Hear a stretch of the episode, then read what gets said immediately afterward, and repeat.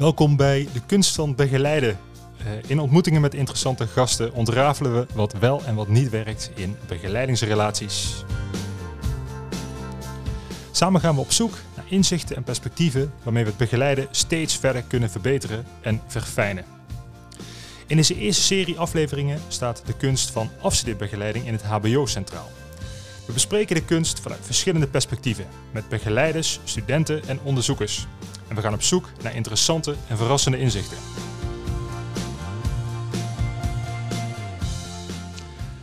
Welkom bij deze nieuwe aflevering van De Kunst van Begeleiden. In deze aflevering heb ik Maria Sturm te gast. Hallo Maria. Hallo. Spreek ik jouw achternaam trouwens goed uit? Ja, helemaal goed. Sturm, oké, oké, helemaal goed. Dankjewel. Maria, jij bent uh, organisatieadviseur en jij uh, begeleidt uh, organisaties bij grote veranderprocessen en ook bij leiderschapsontwikkelingen. Mm -hmm.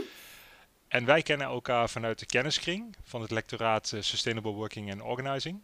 Ja. En um, nou, jij, bent ook, jij zit ook in het, in het onderwijs, want je bent kerndocent bij het Executive Programma Verandermanagement aan de VU. Daar begeleid je ook uh, studenten in hun uh, masterprogramma hè, bij de mhm. praktijkopdrachten. En uh, bij de Hogeschool Zeeland ben je bezig met anderen om een nieuw bachelorprogramma op te zetten. Dus um, hè, zowel in het organisatieadviesvak al heel lang, vanuit je eigen bedrijf en mm -hmm. ook actief in het onderwijs. Um, ja, deze podcast, Maria, die gaat dus over, ja, over begeleiden, hè, over begeleiden van studenten bij het afstuderen. Ja. En we zijn op zoek naar, uh, naar de kunst van, uh, van begeleiding. En um, nou, ik ben eigenlijk wel benieuwd. Uh, wat is voor jou de kunst van begeleiden? Ja, het eerste wat in me opkomt is uh, steeds goed luisteren naar waar de student is en daarop aansluiten. Het -hmm. executive programma van de VU uh, bestaat uit uh, studenten die werken. Die werken al, al geruime tijd meestal en willen dan nog een masterprogramma doen. En die komen natuurlijk met een, met een achtergrond binnen. Uh, ja, die gaat ook heel erg over de context van hun organisatie. Ja. En, en daar maken zij zelf een persoonlijke ontwikkeling, een professionele ontwikkeling in door. En die organisatie die speelt altijd op de achtergrond mee. Dus daar mm -hmm. begint voor mij eigenlijk al het luisteren naar hoe zitten die, die drie contexten in elkaar en hoe werken mm -hmm. die samen. Oké, okay. oké. Okay. Dus dat als voorbeeld van hoe dat bij de VU uh, werkt. Ja, dus drie contexten. Mm -hmm. Je hebt de noemen jullie het ook student of is het deelnemer? Ja. Nee, studenten. Je hebt, je hebt de student uh, als mens. Ja. Je hebt, je hebt het bedrijf. Mm -hmm. En wat was die derde context? Nou, de professional. De professional. Ja. Dus de, de persoonlijke ontwikkeling, professionele ontwikkeling en de uh, uh, professionele context waarin hij zich bevindt. Ja, ja. En dan zeg jij, Maria, van nou, je zou heel goed moeten luisteren om goed te snappen hoe die drie contexten in elkaar mm -hmm. zitten.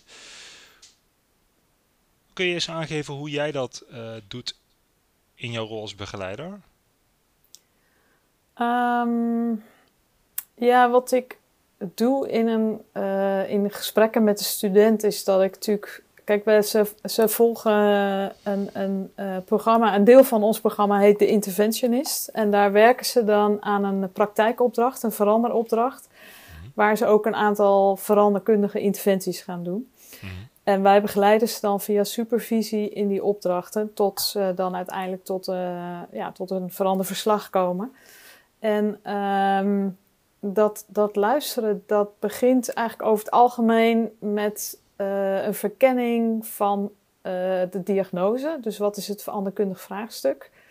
Maar ook een diagnose van waar sta jij zelf op dit moment als professional? Mm-hmm. Wat gebeurt er met, uh, ik vind zelf het begrip van Manon Ruiters professionele identiteit wel een mooie. Dus wat gebeurt ja. er op dit moment met jouw professionele identiteit? Waar is die aan het veranderen? Waar heb jij, uh, wat Manon ook altijd zo mooi noemt, identiteitswerk te doen? Dus daar, daar zie je eigenlijk ook altijd een stuk verschuiving ontstaan. En er mm-hmm. speelt altijd een, een persoonlijke context een rol. Want uh, bij iedere student is er ook altijd wel iets persoonlijks aan de hand. In de zin van uh, ja, dat er persoonlijke vraagstukken spelen, dat er een persoonlijk verhaal is. Uh, er is ook altijd wel iets thuis of, of waar dan ook aan de hand. Mhm. En die drie aspecten, ja, die wisselen zich af in, uh, in zo'n periode. En dan is het vooral belangrijk dat ik niet alleen maar kijk naar hoe ben jij bezig met je inhoudelijke opdracht, maar dat ik ze ook vooral help als begeleider om die drie aspecten met elkaar te verbinden en daarop te reflecteren. Ja. Oké, en nu, nu, nu zeg jij van uh, in het masterprogramma zitten met name mensen die werken, hè? dus mm -hmm. die, die zijn al wat verder in hun carrière. Ja. Nou, deze podcastreeks die focust zich op afstudeerbegeleiden. Hè? Ja. en ik ben natuurlijk bewust ook op zoek naar inzichten, niet alleen van de begeleiders of van studenten zelf of van onderzoekers, maar misschien ook mensen die, erop, die in andere soortige begeleiding zitten. Mm -hmm. um, in hoeverre zou dit ook relevant zijn voor, voor onze begeleiding van de afstudeerders?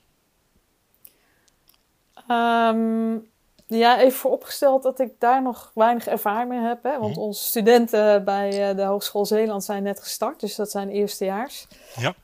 Um, maar zullen we eens een beetje uh, verkennen? Ja, die drie ja, contexten, in hoeverre zouden die ook spelen uh, bij onze studenten? Nou, ik denk dat daar uh, ook een, een, een organisatiecontext een, een, rol speelt. In de zin dat ja. ze toch over het algemeen ook met hun afstudeeropdracht dat doen in een bepaalde context. Dus Ja. het, het begrip krijgen, maar ook als begeleider ehm, de verbinding kunnen leggen met de context waar zo'n student dan die opdracht doet, vind ik zelf wel heel belangrijk. Uh, Mhm. Dus dat je niet alleen maar vanuit uh, de school denkt van, oh ja, dit is ons programma en, en zo wordt er afgestudeerd. Maar dat je ook echt je verplaatst in die context. Ja. Ehm, en die twee aspecten van het persoonlijke en het professionele. Ja, je leidt uiteindelijk natuurlijk studenten in het HBO echt op voor een beroepspraktijk. Uh, en die beroepspraktijk, je wil natuurlijk dat, dat de student, en die zie je ook groeien als professional, dat hij uh, ja, ook zijn beroepsidentiteit ontwikkelt. Ja. Dus ik verwacht eigenlijk dat dat niet heel erg anders is. Mhm. Alleen de, de, ja, het moment zeg maar, in het leven is natuurlijk anders. Uh, Ja. Over het algemeen. Ja. Mm, Maar dus vind, dat- je dan, vind je dan dat, de, dat we als begeleider ook die student naar die student moeten luisteren als professional? Absoluut, ja. Ja. ja. En ik denk dat, dat zie ik ook al bij de eerstejaars. Op het moment dat je dat als vertrekpunt neemt, van ik ben hier met een beroepsprofessional en, Oh ja. en, en die ben ik aan het ontwikkelen. Eh, wij werken zelf in de opleiding met learning outcomes en natuurlijk zit je in het eerste jaar nog op niveau 1. En Ja. ben je in, in het vierde jaar hopelijk op niveau 4 of 3 aangeland, waarbij je de complexiteit aan kan. Maar je begint natuurlijk vanaf dag één al te kijken naar, eh, ik heb hier een groep studenten en die ga ik opleiden en die gaan, eh, ja, die gaan een veranderprofessional worden. Ja. Ja. Op, op welke manier dan ook. Dat kan natuurlijk van alles zijn. Maar dat vind ik wel heel interessant om, om die bril gelijk mee te nemen. Precies, precies. Ja. En je zegt eigenlijk ook voor, voor het HBO, het zijn ook eigenlijk al young professionals. In, ja, ons, geval, absoluut. in ja. ons geval op weg om integrale business improvers eh, te worden. ja, ja, Ehm, dus om ze, om ze gelijk al als professional ook aan te spreken Mhm. en van daaruit verder te ontwikkelen, eh, heel belangrijk zeg jij. En dan hebben we nog het, eh het mensperspectief. Hè? ja. Ehm, Ja, en het, het mensperspectief is natuurlijk wel een hele andere fase dan, eh, dan, dan de executives. Want die, die zijn over het algemeen, nou laten we zeggen, vanaf midden 30 tot eh, eind 50. Dus dat is wel Ja. een hele brede range aan, eh, aan levenservaringen en levensverhalen. Maar voor mij, kijk, wat gewoon het belangrijkste bij luisteren is, is dat je natuurlijk aansluit bij waar iemand is. Ja. En niet eh, in een soort mal denkt van, nou ja, dit moet jij kunnen of hier ben jij. Maar juist Mhm. kijken van, wat speelt er op dit moment in jouw leven? Ja. Ehm, en, en ja, waar biedt zeg maar mijn begeleiding misschien dan ook een, een bijdrage? Dus daarvoor heb ik wel eerst het luisteren nodig. Ja, ja nou, ik, vind- ik vind het heel mooi wat je zegt hoor. Wat, wat, hè, dus, dus luisteren om te bepalen waar iemand is. Ja. Waar iemand is als mens in zijn leven. Mhm. En, en, en ja, ik, ik herken heel erg, eh, hè, ook, ook, ook, ook onze studenten, of juist onze studenten, die worstelen op dit moment met allerlei zaken. Hè, ook Ja. omdat ze bijvoorbeeld eh, nou, niet, niet, niet, niet naar het bedrijf mogen, maar veel in hun kamertje zitten en dan toch de motivatie moeten opbrengen om, ja, om afstudeerwerk te doen en, en Ja. met, met producten op te leveren. Nou, dan heb je het, het werk als, als professional, hè, luisteren naar waar en misschien ook observeren naar waar iemand is als professional. Ja. Nou, we verwachten van, van onze afstudeerders dat ze al heel ver zijn. Sterker nog, we verwachten eigenlijk van ze dat ze laten zien dat ze die integrale business improvement met impact zijn. Als ik het even over onze bedrijfskundeopleiding mm heb. Um, en natuurlijk ook dat ze veel leren in het vierde jaar, hè, maar, maar, maar ook dat ze prestaties laten zien waarop wij kunnen afleiden van hé, hey, oh, oké, je, je, je, zit op het juiste niveau. Ja. Um, en inderdaad, waar wat je zegt, al onze studenten, en dat is nieuw in de opleiding uh, bij ons, die studeren nu individueel af. Daarvoor was het mhm. veel in duo's. En dat betekent dat ze allemaal in een unieke uh, professionele context uh, zitten, waar ze, nou ja, die gedurende tien maanden is dat dan bij ons, best een, ja, in veel gevallen best wel een redelijk complex vraagstuk bij de kop pakken. Een redelijk integraal vraagstuk met meerdere facetten, hard, zacht. Het dus ook uh, interessant om te kijken van en hoe zit die student dan in, zijn, uh, ja, in die professionele context. Mm Dus als ik, als, als ik jou zo hoor praten en ik, ik probeer ondertussen de vertaalslag te doen van hey, hoe speelt het voor ons, dan ben ik het heel erg met je eens. Van hey, uh, ja, dit zijn drie perspectieven in combinatie met het belang van luisteren, ja. om daar heel erg op aan te sluiten. Ja. Um, Misschien even, uh, even een check bij jou. Hè? Je zegt uh, luisteren. Ik denk zelf ook dat dat heel belangrijk is in, mm. in begeleiden. Ehm, de kunst van begeleiden. is er misschien meer?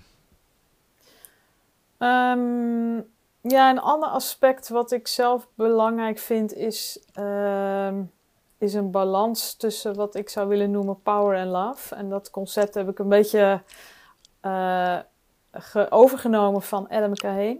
Adam Kahane is een, uh, eigenlijk een internationaal uh, zeer bekende facilitator van uh, grote transitieprocessen. Hij is ooit begonnen met het vredesproces in Zuid-Afrika, dus dat was zeker geen kleine veranderopdracht. En hij heeft eigenlijk door, door de jaren heen in zijn werk ontdekt dat hij als begeleider soms te veel op wat hij noemt de love kant zit. En de love kant is de kant van verbinden, uh, convergeren, zoeken waar je gemeenschappelijkheid vindt. Mhm. Ehm, eh, dat is ja, een kant die je als procesbegeleider vaak van nature kiest. Omdat je eigenlijk de groep wil faciliteren om, om het goed te hebben met elkaar. Ja. En uh, wat je zag in veel groepen die je begeleidt, en dat merk je soms ook bij supervisies, is dat dat dan eigenlijk op dat moment ook, ook echt tot hele positieve effecten leidt. Dus zo'n groep gaat vaak heel prettig ook naar huis. Mm -hmm. Maar wat hij zegt is eigenlijk. Maar het heel erg met elkaar eens. Ja, eigenlijk merk ik dan, zei hij, dat er na verloop van tijd iets heel geks gebeurde. Want die groep die het dan heel erg met elkaar eens was, die bleek opeens later in allerlei conflicten uit te barsten. Want dat gebeurde op het moment dat er ook echt iets gedaan moest worden. Mm En hij zei, wat we eigenlijk misten was de kant van power. En de kant van power is de kant van een doel bepalen, maar ook echt je macht gebruiken, je invloed gebruiken om dingen te realiseren. En dat heeft mij eigenlijk, het is nu inmiddels tien jaar geleden dat ik uh, bij Adam Kahane een hele, een hele week een uh, workshop heb gevolgd. Heeft mij enorm aan het denken gezet over mijn eigen werk als organisatieadviseur. Uh, over mijn eigen omgang met het uh, hele begrip power en macht. Ja. En ook in de begeleiding met de studenten merk ik dat ik eigenlijk voortdurend met dat concept in mijn achterhoofd kijk naar hoe kan ik uh, beide elementen inbrengen in de begeleidingsrelatie. -hmm. ja. Want als je te veel alleen maar op de love-kant zit, en dat is voor mijn gevoel uh, meegaan, uh, verkennen. Misschien luisteren. Luisteren is ook daar een voorbeeld van. Dan kan het wel eens zijn dat je ook voor die student niet altijd het beste doet. Dus mhm. soms moet er dan ook een moment komen dat je een grens stelt, dat je confronteert dat je uh, de relatie legt naar de doelen die gesteld zijn. Ja. En dan uh, kan dat soms ook leiden tot spanning op de relatie. Mm Want mhm. de kant van love, de kant van verbinding, uh, kan voor sommige studenten ook een lastige zijn hoor. Omdat ze van nature veel meer doelgericht zijn dan relatiegericht. Maar over het algemeen merk je in de opleiding dat dat toch de primaire focus is. Van nou, hoe kunnen we nou de verbinding hebben? Mhm. Maar de kant van power ehm, en ook de kant van power wakker maken bij, bij, bij de studenten, ook in hun eigen verandervraagstukken, die is veel spannender. En ik denk dat we zelfs in Nederland helemaal daar eh, best wel een lastige verhouding mee hebben. Met dat hele begrip power en macht. Mhm. En zodra ik het inbreng, zeggen mensen: ja, oké, maar dan moet je misschien het woord invloed gebruiken. Aha. En dat is natuurlijk interessant, want het woord power in het Engels heeft eigenlijk meer, ehm, ja, meerdere kanten. En in het Nederlands hebben we dan toch een beetje invloed. Oké, dat kan nog, hè. Mhm. Maar macht, nou, dan moet je al gelijk toch een beetje achter je oren krabben. Van wil je dat eigenlijk wel? Ja. En toch is het heel relevant om, om te bedenken hoe je je verhoudt met dat begrip macht. Mhm. Ja. En ook hoe je ze allebei op een constructieve manier in kan zetten. Ja.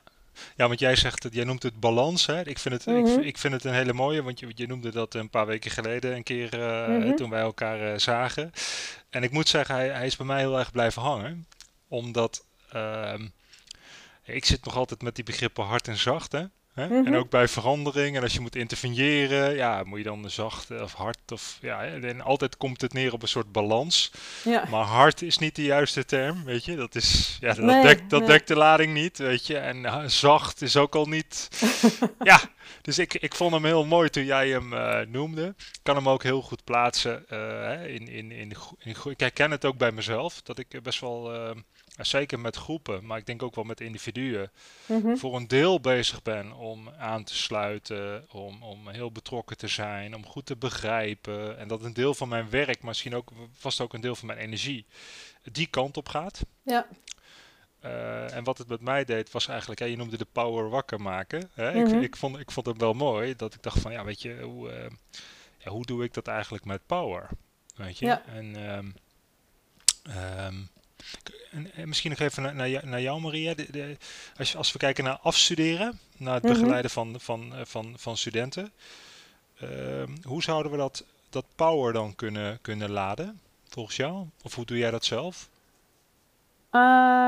Nou, wat voor mij een heel belangrijk aspect van power is, en dan, dan misschien niet alleen vanuit mij als begeleider, maar ook hoe ik als begeleider de power wakker maak bij de student, is dat jij zelf als student eh, ook je doelen in het oog moet houden en Mhm. toe moet werken naar een resultaat. Oké.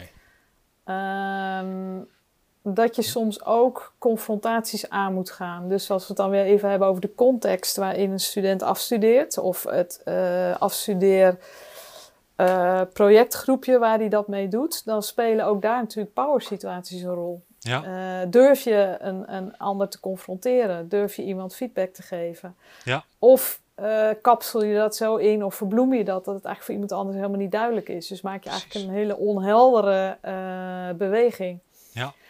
Ja. Wat je ook vaak ziet, en, en daar heb ik in het begin zelf ook heel erg op moeten leren, is dat je iets zegt wat confronterend is en dat gelijk heel erg gaat verontschuldigen. Van oké, misschien bedoel ik het niet zo, of eh, Dat je dan wel slingertjes omheen hangt. allerlei slingertjes omheen hangt en, en bijna met kloppend hart wacht tot, Ja. tot de ander eh, enorm Nee, maar is niet erg. Is niet erg. Precies. Is, We hebben hier allemaal last van. eh, ja, ja. Dus het is veel fijner eh, natuurlijk Ja. om die love kant eh, te hebben. Ook, en, dat, en dat is de andere kant van mij als begeleider. Af en toe ehm, moet je ook tegen een student zeggen: luister, er is nog één maand gaan. Eh, de deadline is keihard. Ik zie dat je allerlei eh, dingen verzameld hebt, maar je hebt nog totaal geen conclusies getrokken.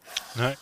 Ehm, en dan gaan we toch eens even kijken waarom dat in zit. Dus dan houdt. eh, kijk, daar is wel de voorwaarde voor dat je in verbinding bent. Ja. Dat is voor mij wel een belangrijke. Ja, Dat is de en daar, basis daar waar je bedoel ik ook die balans. Hè. Je moet ze eigenlijk continu allebei hebben. Dus eh, op het moment dat je een, wat je zou kunnen, power move maakt, dan moet je wel ook daarna weer kijken van en hoe brengen we die verbinding weer terug Ja. hem niet intrekken, maar wel zorgen dat je daarna weer de verbinding houdt. Mhm. En, en zorg dat je wat potentieel hebt. Of ehm, ja, dat je wat hebt om op terug te vallen eh, qua verbinding. Ja. Ehm, ik had de podcast van Herman geluisterd. En uh, Herman van Blitterswijk. En die noemde afstand en nabijheid. Ja. Daar, daar zit ook iets van die polariteit in. Hè? Je moet soms echt ook even wat afstand creëren. En ook onderzoeken hoeveel afstand de student nodig heeft. En soms is er nabijheid nodig. Ja. Nou, dit is een andere polariteit. Je kunt hem niet één op één op elkaar plakken. Maar je hebt ze wel in balans nodig.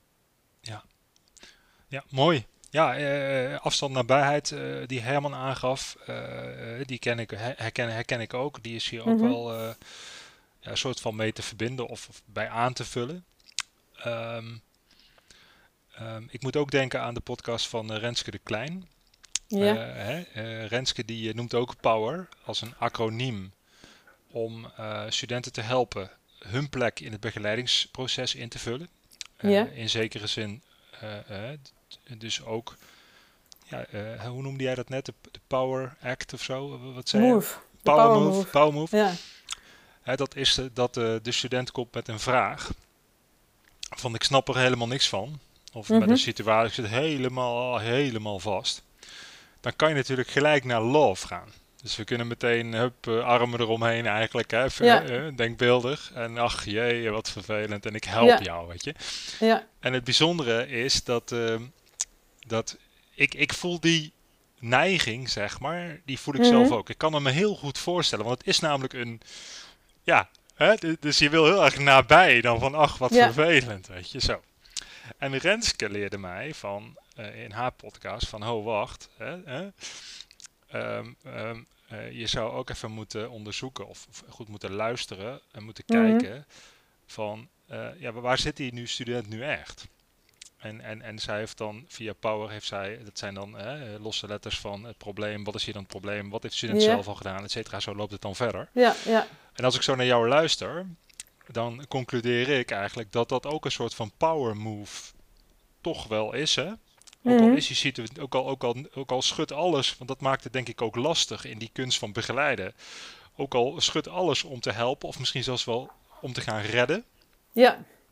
Alleen de vraag is, in deze leersetting, in deze afstudeersetting, hè, in dit leerproces, wat is nou de interventie die, Ja. en ik noem dat dan maar groeibevorderend is, hè, die, die, Mhm. die ons hier te doen staat? Ja.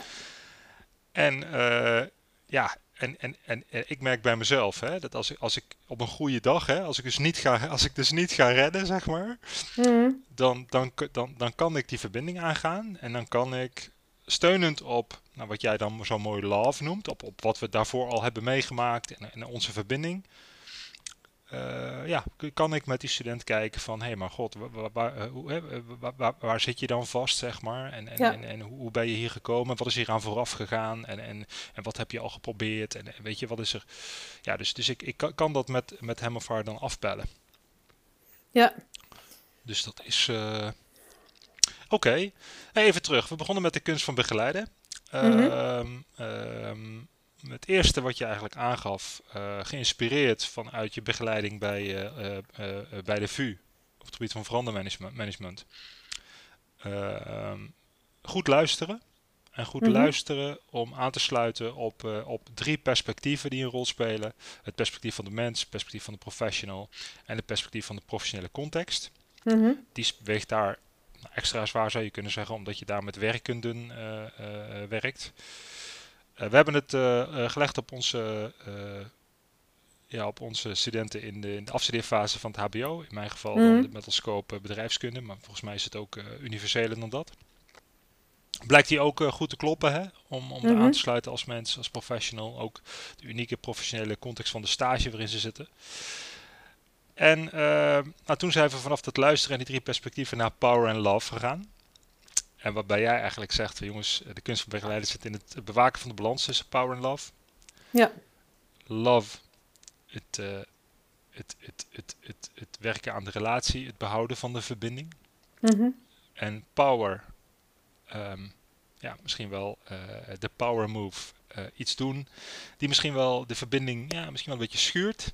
Hè? Mhm. Hè, die, die, hè, die in ieder geval, ja, die, je neemt een zeker risico, maar die wel absoluut nodig is eh, om studenten op koers te houden, eigenaarschap te laten nemen.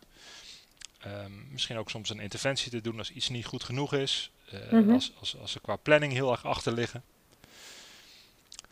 Ehm, dus dat, ik vind het zelf een hele mooie, mooie toevoeging. Um,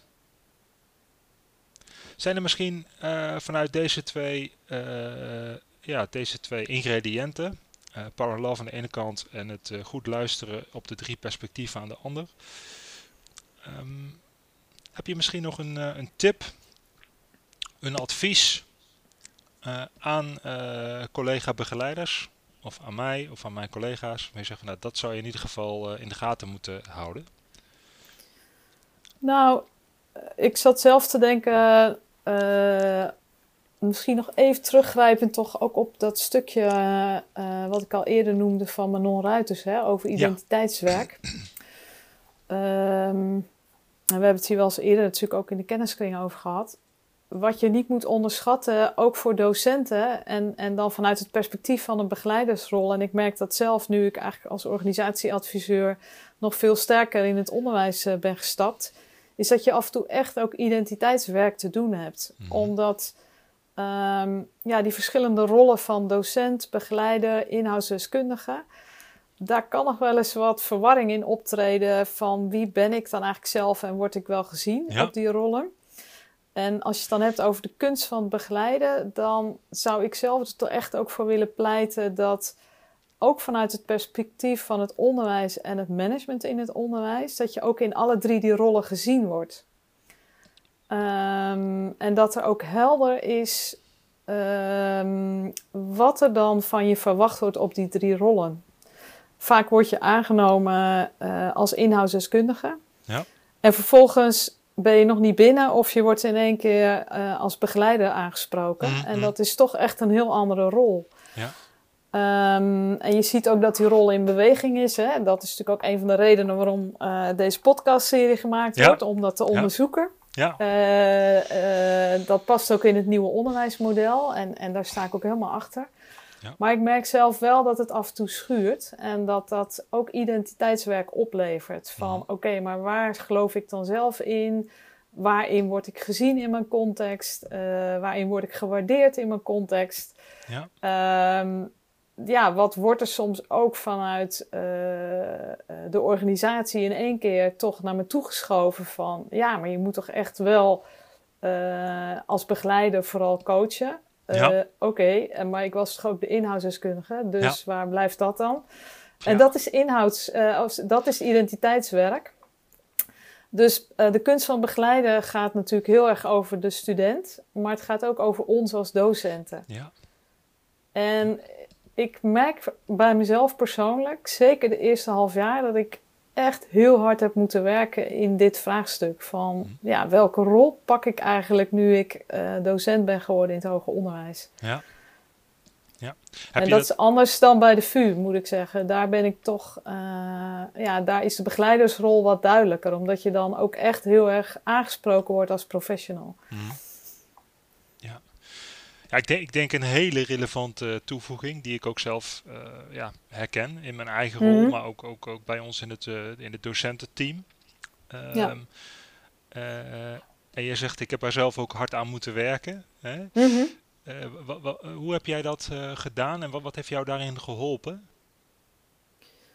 Um, nou, wat me helpt is denk ik ook wel wat we in de kenniskring doen. Dus, dus met collega's momenten hebben om eens even te reflecteren op wat gebeurt okay. er nou. Dus dat is heel fijn. Ja. Um, wat mij natuurlijk helpt is dat ik gelukkig al heel wat jaar ervaring heb. Dus ook af en toe even kan, bijna op metaniveau kan denken van... oh, maar daarom heb ik het nu af en toe best wel even zwaar hiermee. Want dit is dus identiteitswerk. Dus pas toen ik dat las en um, ook wel bijvoorbeeld Etienne Wenger, hè, die schrijft veel over uh, communities of practice. Mm -hmm. En um, ja, de energie, maar ook het feit dat je in de ene community of practice eigenlijk 100% op je plek bent. Uh, en in een andere community of practice in één keer denkt van wow, wat ben ik hier een ongelooflijke sukkel. Ja. Um, en hij heeft daar hele mooie voorbeelden van, ook in het uh, uh, boekje Learning in Landscapes of Practice. Want hij zegt, ja, het is natuurlijk niet alleen één community, maar als professional ben je vaak lid van meerdere, communities. Dus dan is het die landscape. Um, en ik had in het begin echt het gevoel van: oké, ik, ben, uh, ik ben echt een erkende organisatieadviseur. Ik doe dit werk al, al heel lang. en in één keer begin ik weer bij nul. Dus uh, is dit nou de context waardoor ik niet meer functioneer? Of is dit, uh, ja, wat is hier aan de hand? En dan helpt gewoon reflecteren, af en toe eens even sparren met mensen wel heel erg. Maar ook dat je de taal aan kan geven. Van, ja. Oh, ik ben dus gewoon gewisseld van community of practice. Dus ik kom in één keer. Ik dacht dat het over hetzelfde ging, maar het gaat helemaal niet over hetzelfde. Nee, nee. En de condities zijn heel anders. En, en uh, ik moet me hier echt weer toe leren verhouden. Ja. Ja. ja, we zullen, als je hierin geïnteresseerd bent in uh, professionele identiteit, identiteitswerk, zullen we de namen en de eventuele boekentips even in de tekst erbij zetten zodat je dat eventueel na kan, uh, kan zoeken. Maar jij zegt eigenlijk, Maria, van joh, kunst van begeleiden gaat niet alleen over de student. ook niet alleen over wat we hiervoor besproken hebben in termen van aanhaken, power and love.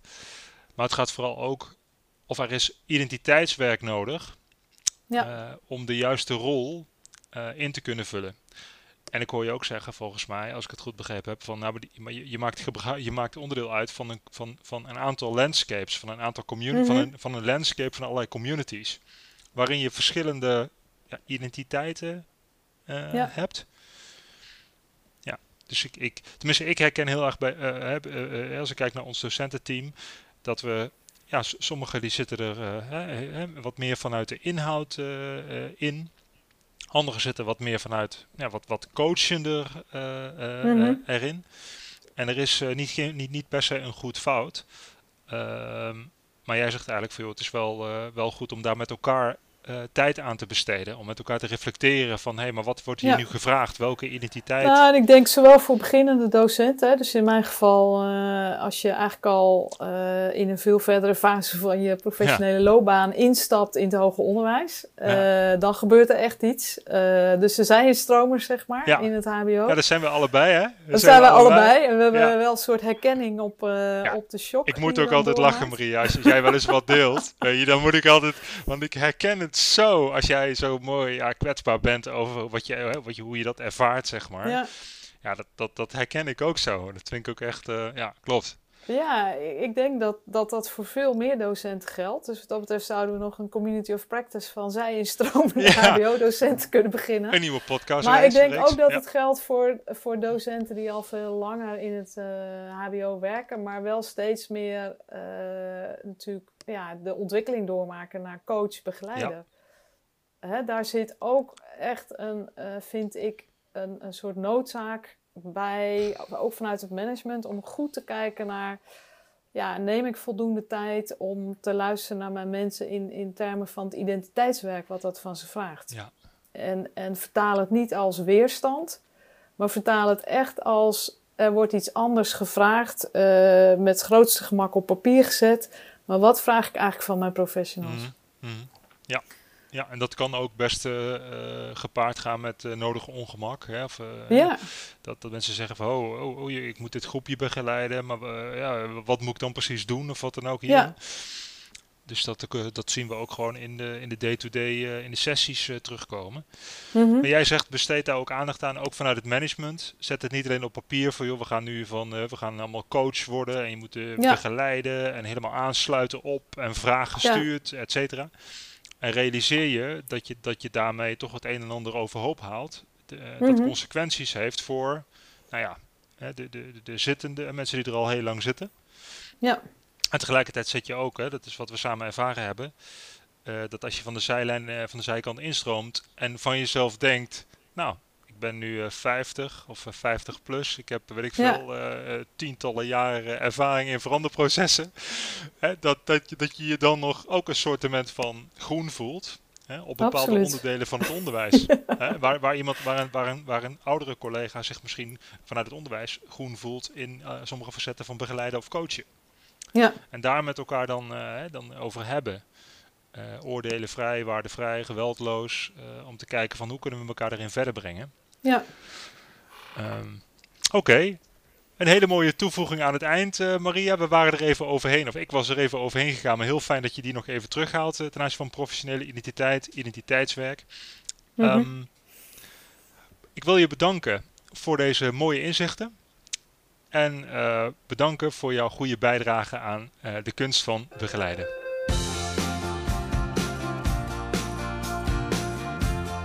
Heb je nu zitten luisteren en heb je vragen of ideeën? Dan spreek ik je graag. Stuur me dan even een mailtje. Mijn contactgegevens vind je in de beschrijving bij deze podcast.